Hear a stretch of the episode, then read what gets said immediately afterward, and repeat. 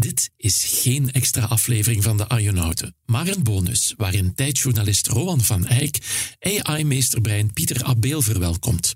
De tijd heeft elk jaar een groot event, dat heet New Insights, en dan nodigt de redactie een internationale topper uit. Dit jaar dus Pieter, en je kent hem misschien niet, maar het is een naam als een klok in het wereldje. Abeel doseert artificiële intelligentie aan de meest prestigieuze universiteiten en hij sleutelde in de begindagen ook nog mee aan ChatGPT. Een perfecte gast dus voor een gesprek over AI. Hi Peter, welcome. Hi Rowan, thanks for having me. Pieter Abeel in de studio. Of moet ik zeggen Peter Abeel, want de man woont en werkt nu al 20 jaar in Californië. We spreken dan ook Engels. Met die taal is Abeel intussen beter vertrouwd, zeker als het over deze materie gaat. Because we're going to talk about artificial intelligence. Abeel doctoreerde in artificiële intelligentie aan de vermaarde Stanford University en is nu prof aan de eveneens gerenommeerde Universiteit van Berkeley. Hij leidt daar het Berkeley Robot Lab. Daarnaast werkte Abeel al voor OpenAI, het bedrijf achter ChatGPT, en richtte hij zijn eigen AI-startup Covariant en zijn eigen AI-investeringsfonds AIX Ventures op. Hij won ook al verschillende prijzen en heeft zelfs zijn eigen podcast over AI, The Robot Brains. Hello, I am Peter Abeel and I make artificial intelligent robots. We are launching the Robot Brains podcast. Over the course of this series, I'll be your guide on a journey that very few people have taken so far. Zeker het luisteren waard. Bon, het is duidelijk hè. Pieter Abeel is de perfecte man om te praten, filosoferen en fantaseren over de stand van zaken en de toekomst van artificiële intelligentie. Zelf herinner ik me dat ik meer dan tien jaar geleden al speelde met chatbots zoals Cleverbot. Die waren natuurlijk lang niet zo slim als ChatGPT, maar ze begrepen vaak je vragen wel en gaven dan toch ook een min of meer relevant antwoord. Dus mijn vraag is: hoe nieuw is dat eigenlijk echt, die AI-hype? So, is this AI explosion that we're seeing right now uh, since the launch of ChatGPT, is that really a revolution happening now? Or is it just a silent evolution that's been in the background for the past few years and is just now surfacing? It's, it's a great question, and I'd say it's a bit of both. Um, if you look at the details, the technical details under the hood, you're probably more likely to call it an evolution. Um, the big step change happened in 2012. Uh, in 2012, Geoff Hinton, professor at the University of Toronto, Turing Award winner, Nobel Prize for Computer Science, he and his students they showed that they can train an artificial neural network, a neural network that lives in a computer, to learn from data how to recognize things in images. And that was the kind of big eye opener for everybody in the field. Until then, many people were trying to almost directly program the AI. Think like, what should an AI do? Let me write some lines of code that spell out the procedure the AI should follow. Right. But he showed that, hey, don't try to spell it out for the AI. Just give it a lot of data and it'll figure it out from the data. And it was much better than anything anybody had done till then. And that was the big change. 2012, from old fashioned AI to deep learning, training very large neural networks from data to internalize patterns. Okay, that's 10 years ago already. That's 10 years ago already. That's the big change under the hood that happened.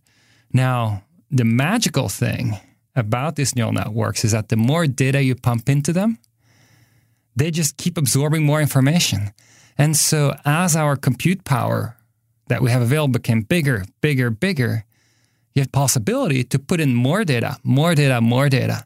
And so I think at some point we hit this tipping point where the amount of data that we could put into the neural networks became so large that it became more comparable to humans in terms of performance. And when was this tipping point? I think for a lot of people, they would put it probably at ChatGPT as, as that moment where somehow this neural network it's still a neural network in a computer, just like back in 2012, but it absorbed so much data that somehow it feels much more real because it's absorbed so much information, this case from the internet. Mm-hmm. Um, but then there's one additional thing that actually happened. And that's why I say it's also a little bit of a revolution, even if you look under the hood. Because for the longest time, people were just pumping in data, and that was it. Mm-hmm. But then the revolution of ChatGPT is that after pumping in the data, the lead architect, John Schulman, actually one of my former students, uh, he, he's the one who built this. He had the idea that rather than keep pumping in data, let it generate its own data, have conversations with it, and then rate those conversations and let it try to optimize the ratings it's getting from you. And so there was an additional learning stage where it's trying to optimize the ratings it's getting back from humans interacting with it. And that made it go from a bot that's essentially just generating statistical stuff that you find on the internet, but it's like internet quality stuff. It's not always that great. To a bot that really understands what people want to hear, the style in which they want to communicate it to, and so forth. And that extra step nobody had taken before on these bots. Oh. Oké, dus artificiële intelligentie die rechtstreeks leert van een dataset, dat is eigenlijk helemaal niet nieuw. Wel nieuw zijn systemen die niet alleen naar de dataset kijken, maar ook zelf conclusies trekken met wat feedback, zoals ChatGPT. Dat is dus echt wel iets van het voorbije jaar. Maar waar is het plafond? We hebben met eerdere tech-hypes zoals cryptomunten of de metaverse wel gezien dat onze aandacht en vaak ook onze investeringen in dat soort dingen eerst pieken, maar dan weer Is AI going to be the same way? Is it going to peak or plateau soon and temporarily at least reach its limit? Or is this different? Is it going to keep going? I think AI is fundamentally different. Mm-hmm. And, and the reason I'm saying that is because many of these waves that you see, think about the metaverse, something I personally never really believed in. I just like couldn't understand why people got so excited about it. who would want to sit in you know, VR glasses all, all day, every day, or even an hour a day? It just seems uncomfortable, unpleasant, and mm-hmm. so forth. And so these kind of waves were essentially hype cycles where people generating the hype were just trying to pump it up as much as possible to get people excited and get people to buy in and don't miss out invest now because later it's going to be even bigger you should you should buy into it now before it's too late and so forth but the fundamentals weren't really there right and now sometimes some of these things can take off. Nevertheless, you get people excited and they get carried away. But then after a while, it tends to subside. With AI, it's very different because if you think about what makes us humans so different from any other animal in this world, it's our intelligence. What we do every day, both for work, for pleasure, our intelligence plays a very big role in that. And especially when we think about work, there's of course physical work, but these days a very large fraction of the work is intellectual work. And so if you think about how much intellectual work we all have to do every day, pretty much, uh, fundamentally that's stuff that needs to happen. The, the, way the world works, that stuff has to keep happening. Mm-hmm. And if we can get help with that, it seems like yes, we're going to take that help. We're going to be like, okay, if you can help me get this done, I'm going to you know use this tool. And the beauty here is that it's not just that oh there's sign alive that this might emerge in the future. Already today, people are using, for example, especially ChatGPT to help them with their work.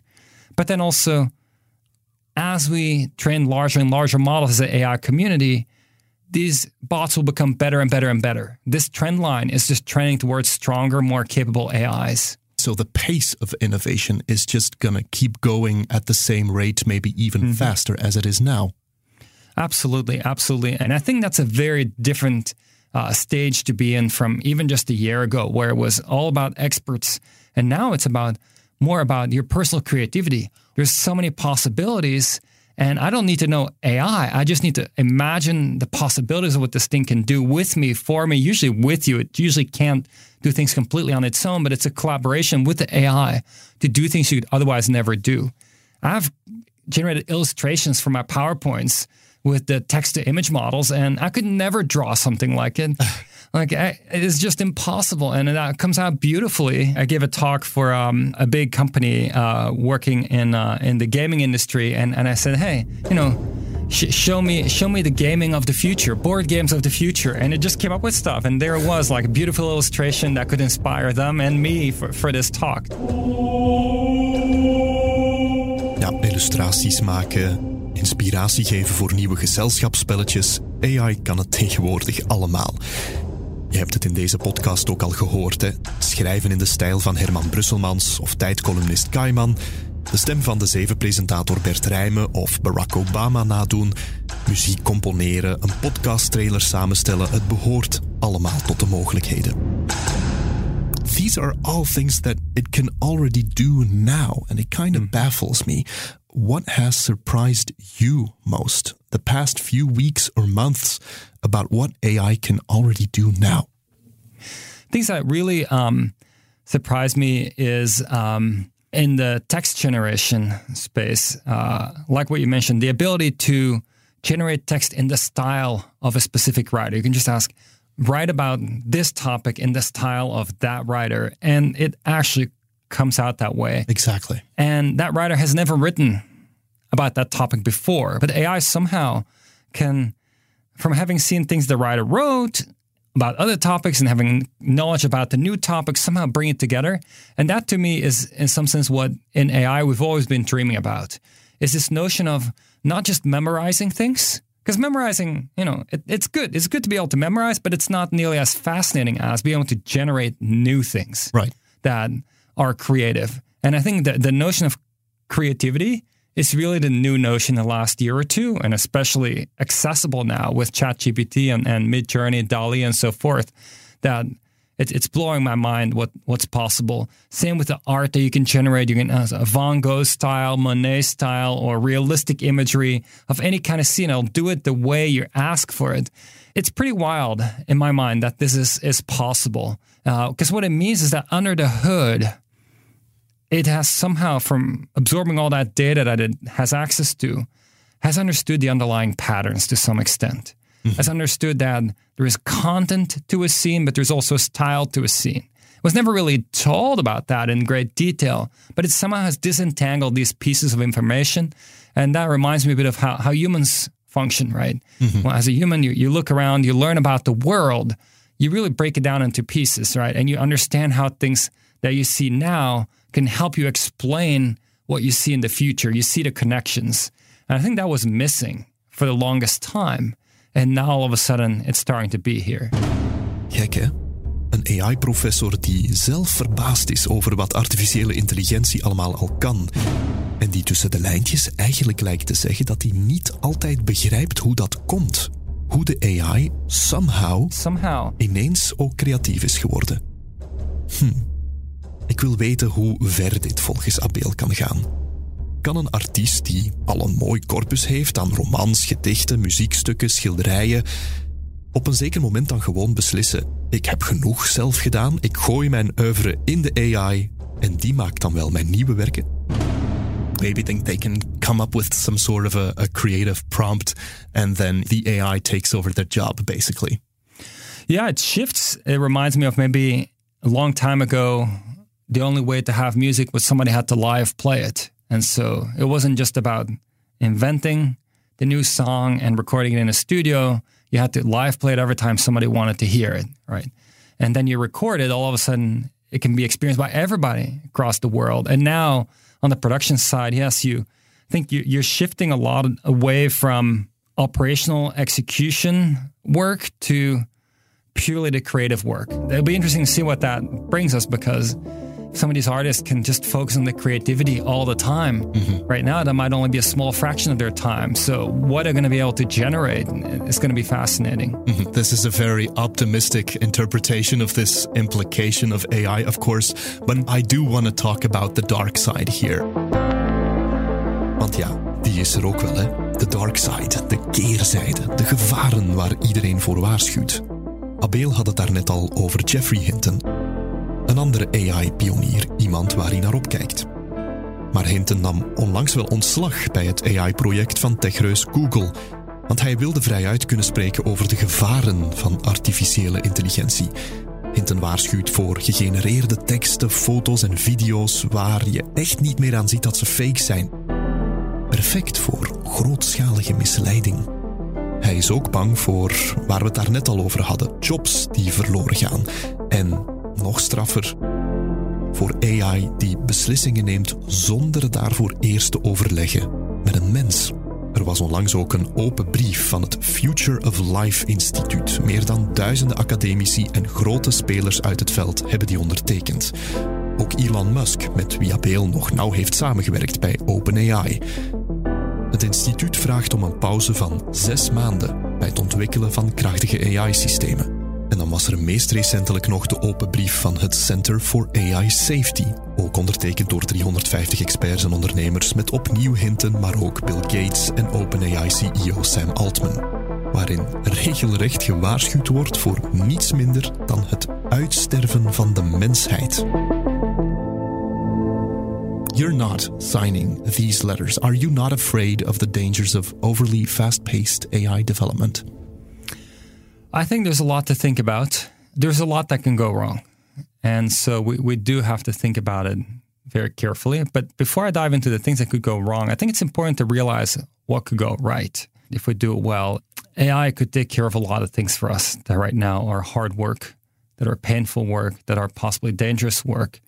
And that's kind of stage one. Then stage two, AI could become a scientist, an inventor and could start doing things like inventing better solar panels by doing better material science engineering, could invent better battery designs, could avoid all car accidents of the future by really getting it right every time. Right. If we get to an AI that's really as capable as the average human, it cannot be very far away from being as capable as the smartest human. So you could imagine the AI is another Einstein, but maybe it's like a thousand Einsteins because you can run it in parallel on a thousand computers and imagine putting a thousand Einsteins to work on today's biggest problems. This is kind of humanity upside. Of course, there's also that's the tricky part. There's also monetary company upside that drives companies to potentially take risks that shouldn't be taken and so forth. So there's a careful distinction here to be made. There's the upside for humanity that I'm talking about, and then there's the potentially dangerous over optimizing of companies for their monetary upside at times, right? Important distinction. Important distinction.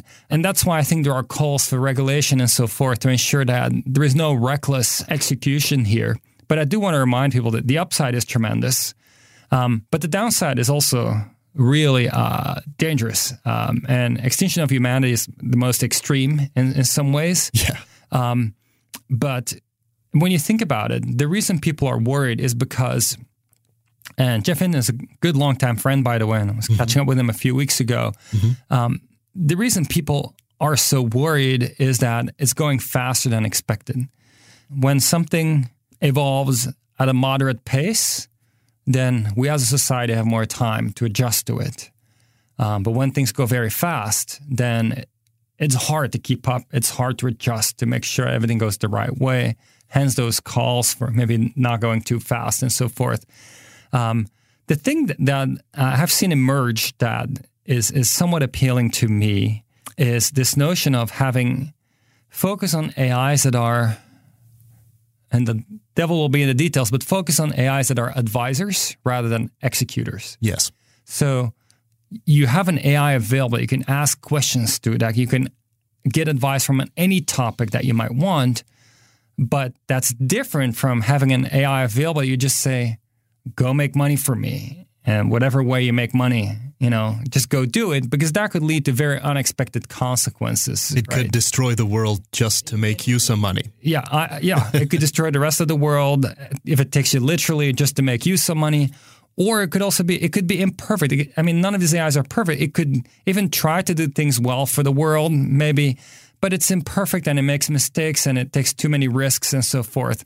And so I think this distinction between an advisory AI versus a AI doing things for you is going to be a, a pretty important one going forward. But that's kind of a new concept that only recently has been talked about. Mm-hmm. But because there are these dangers and these fears, or at least, you know, projections of them. Mm-hmm. Some governments are trying to regulate the development of right. AI uh, through mm-hmm. new laws, like Europe uh, is mm-hmm. trying to do right now with the new AI deal.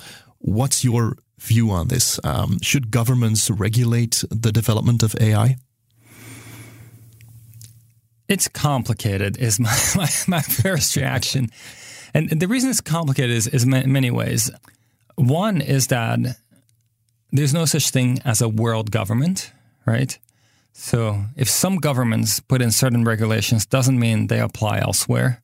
And so it could reduce innovation in one part of the world where people are supposed to be more responsible mm-hmm. because of the regulation. But in the meantime, things go wild other parts of the world, and that not sure if that's a better situation to be in, where you know some parts of the world are so far ahead of other parts of the world because you know the way the regulation uh, influence things. Our American businesses developing AI are going much faster than European ones because they are regulated.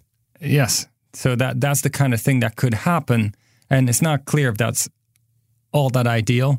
Um, at the same time, we we have seen things like with the GDPR laws in Europe that you know American companies had to abide by it, kind of because they want to sell in Europe, and then they had to you know learn to deal with it anyway. And so if if the government in some sense is a big enough market, it might be that either way, a lot of the world will follow a suit or at least pay close attention to it. So that's an example, the GDPR legislation, of a positive precedent that Europe has set. How should we tackle AI in the form of legislation or regulation? Well, I think there could be a simpler form of regulation that might not hit every point that you want to hit, but that might be easier to to implement, right? And what that would be is to really pay attention to the consequences of AI. So one thing people talk about a lot now is you can impersonate other people, their voices, make fake uh, calls that way, cause a lot of issues that way. And you could even automate that. You can build a bot that makes these calls and tries to scam as many people as possible, making calls all day, every day from, you know, automatically for you.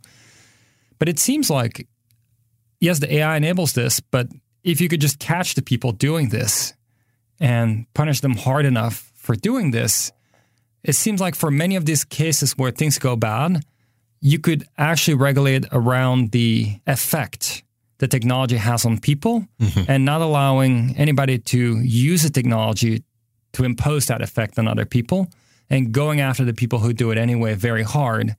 And so you could start by regulating and going hard on the negative consequences that people might encounter. Abbeel vindt dus dat wetgevers moeten focussen op mensen die AI misbruiken, in plaats van de ontwikkeling ervan af te remmen.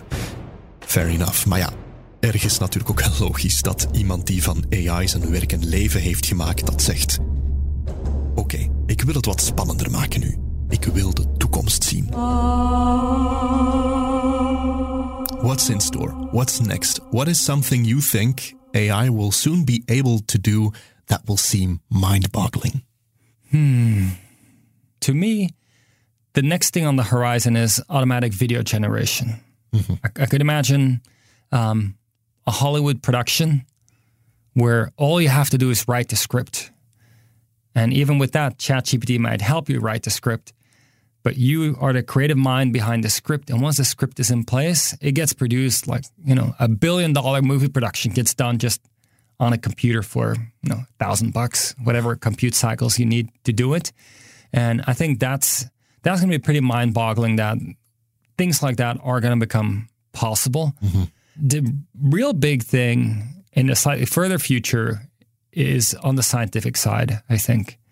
And so we know that the CEO of DeepMind, Demis Hassabis, started a new company. He's now CEO of two companies.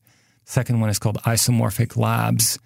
And so, of course, DeepMind, the company behind AlphaGo, um, and that company is trying to reinvent medicine, building on the ability to have a neural network predict the 3D structure of proteins.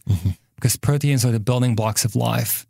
But the problem is that even though it's very cheap to sequence a protein, know what the sequence of amino acids is very expensive to 3D scan a protein. And so uh, the thinking is that now that they can just predict the 3D structure with a neural network, well, then you can start trying out different sequences, check their structure, see which one might be plausible for a cure for certain diseases and so forth.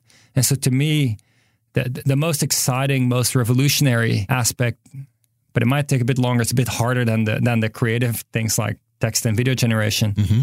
But I wouldn't be surprised next 10 years, there are several diseases that we have much better treatments to thanks to AI progress. Mm-hmm. Can you tell me how we're going to get there? Because right now we're going through this revolution because we've created AIs like ChatGPT that are learning, but it's not quite there yet. Uh, it's not learning exactly as it's supposed to, or not optimally, not like a human, or mm-hmm. better. Um, what are the biggest obstacles AI has yet to overcome? It's a good question in the sense that the current best AI systems are absolutely built in a way that's very different from humans. Mm-hmm. Not 100% different. I mean, humans have a brain with neurons, and these current best AI systems are artificial versions of those neurons wired together. But the current best AI systems are essentially built by making them read or watch everything that's on the internet. And from that, they start understanding things about the world. Enormous amounts of data. Enormous amounts of data. Trillions of words might be read to, to get to where they are now. Whereas humans, they acquire knowledge about the world in such a different way. Mm-hmm. And it actually also has a consequence, as far as I can tell so far, in terms of robustness. Humans have a more robust understanding of the world. Um, there are always these funny mistakes these bots will still make that you think like, how can you make a mistake here? But it's because somehow it's not learning about the world the same way. It's learning about the world, let's say, purely through text. Mm-hmm. And text doesn't capture everything about the world. And so it, it fails to understand certain aspects the way a human would understand them. Yes. In my lab at Berkeley, that's the big focus now. How do we build a more human like intelligence? And what that means in my mind is really looking at um, the first three years of human life. A lot is learned. A three year old can do a lot of things. Obviously, a three year old cannot invent the next, you know, big invention just yet. But the thing that's hard for AI to acquire is the things a three year old already knows. The things that come after are somehow easier mm-hmm. for an AI to acquire with what we know today. It's that early learning, that grounded learning in how the world works, how you interact with the world, what the consequences are of actions you take. That's the hard thing right now. And so that's what we're focused on, but we don't know yet how, how to make it happen. Um, we have some thoughts. Um, we, we think that um, interactivity might play a big role in this. And the current AIs have very little interaction when they learn, but humans interact all the time. Kids are playing with toys, talking to other people. There's a constant interaction as you learn, which AIs currently don't really have much of. And there is many modalities. Humans have eyes, ears, nose, mouth, touch, so five sensory modalities. And current AIs typically have only one or two, uh, just text, uh, which is not even clear what the exact modality it is for humans, but um, it's text and, and images.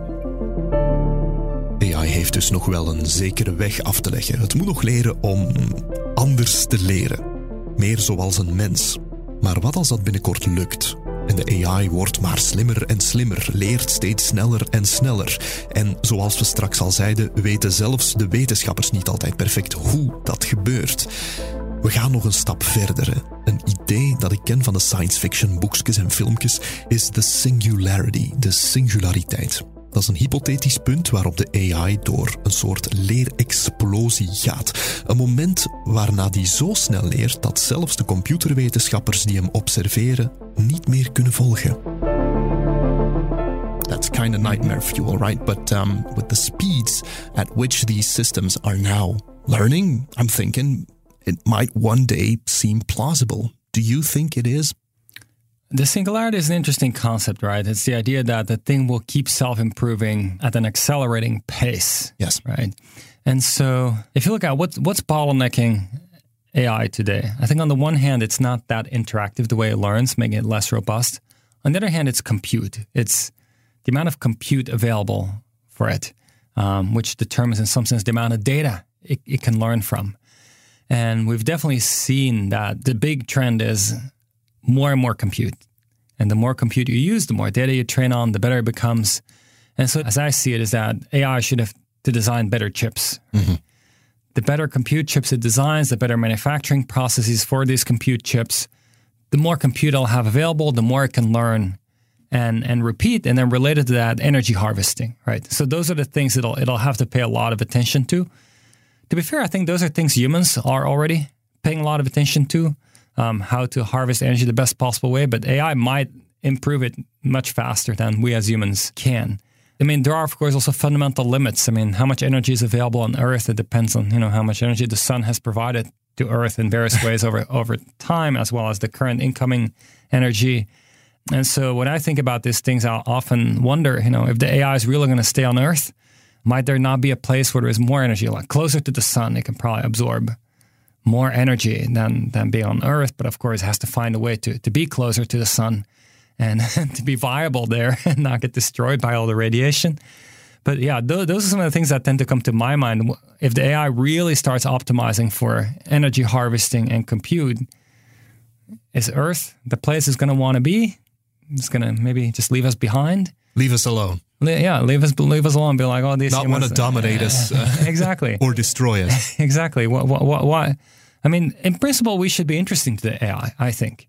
Like, I, I think an, an AI that um that is truly smart, and not an AI that is kind of only half smart and somehow gets power, but an actually smart AI should probably know that humans are pretty unique. All the life on Earth is pretty unique.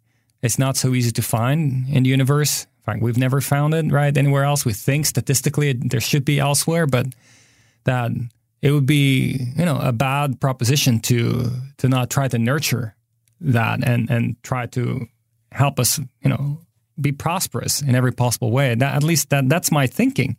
Imagine AI would destroy us to to get a bit more energy because you know we're consuming energy like we AI says I want all the energy, but I think what we consume is nothing compared to what it could go get closer to the sun.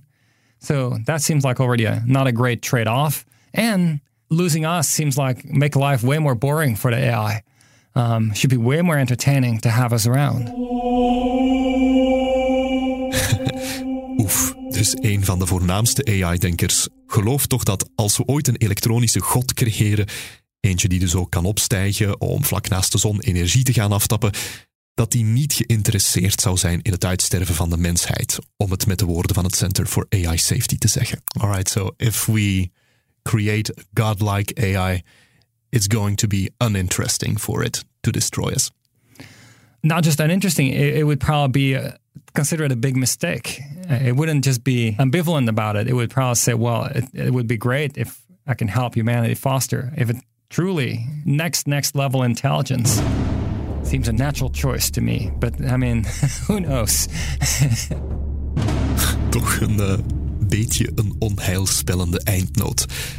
Maar bon, ik heb in mijn eigen belang nog één bonusvraag voor Abel.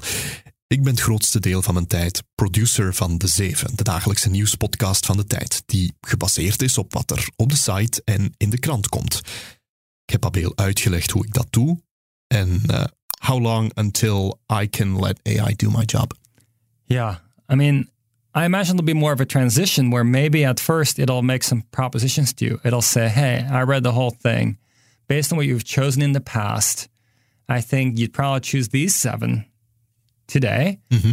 But there are some, you know, runner-ups also, and you might just you know, maybe skim everything else, but more carefully read those and be more efficient.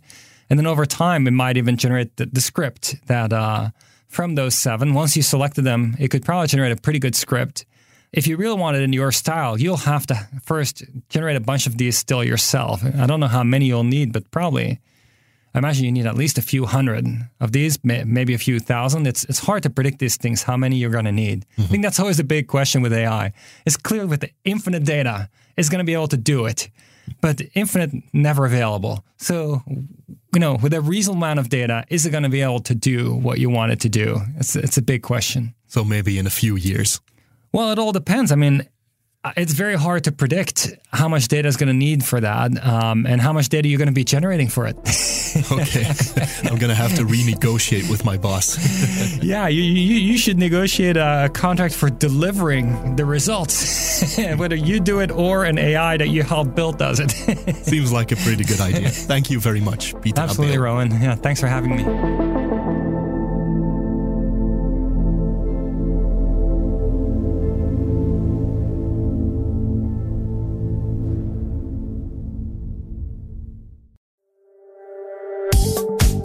Ik ben Dorsa Mohajerin, Executive Director bij EY.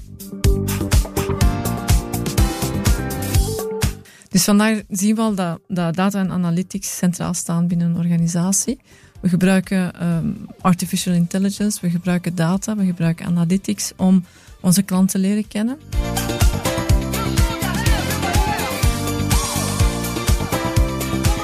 We willen een 360 graden beeld van onze klant. We willen onze concurrenten leren kennen. We willen kunnen anticiperen wat de markt gaat doen, wat onze concurrenten gaan doen, waar we productinnovatie kunnen gaan vinden en dergelijke meer. Dat is allemaal heel mooi natuurlijk. Tegelijkertijd zijn er ook zaken die we niet goed controleren. Dus dat we niet onder controle hebben zoals het hoort. Denk aan phishing, fraude, scams en dergelijke meer.